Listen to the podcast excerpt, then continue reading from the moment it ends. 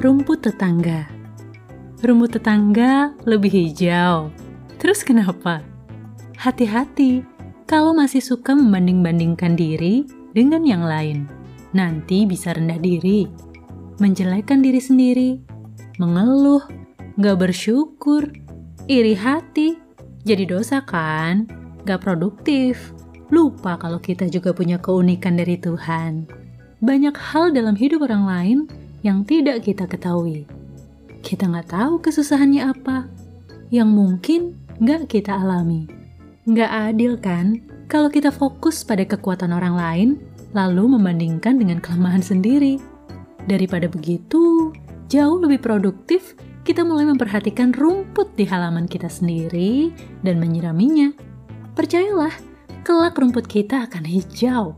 The grass is greener where you water it.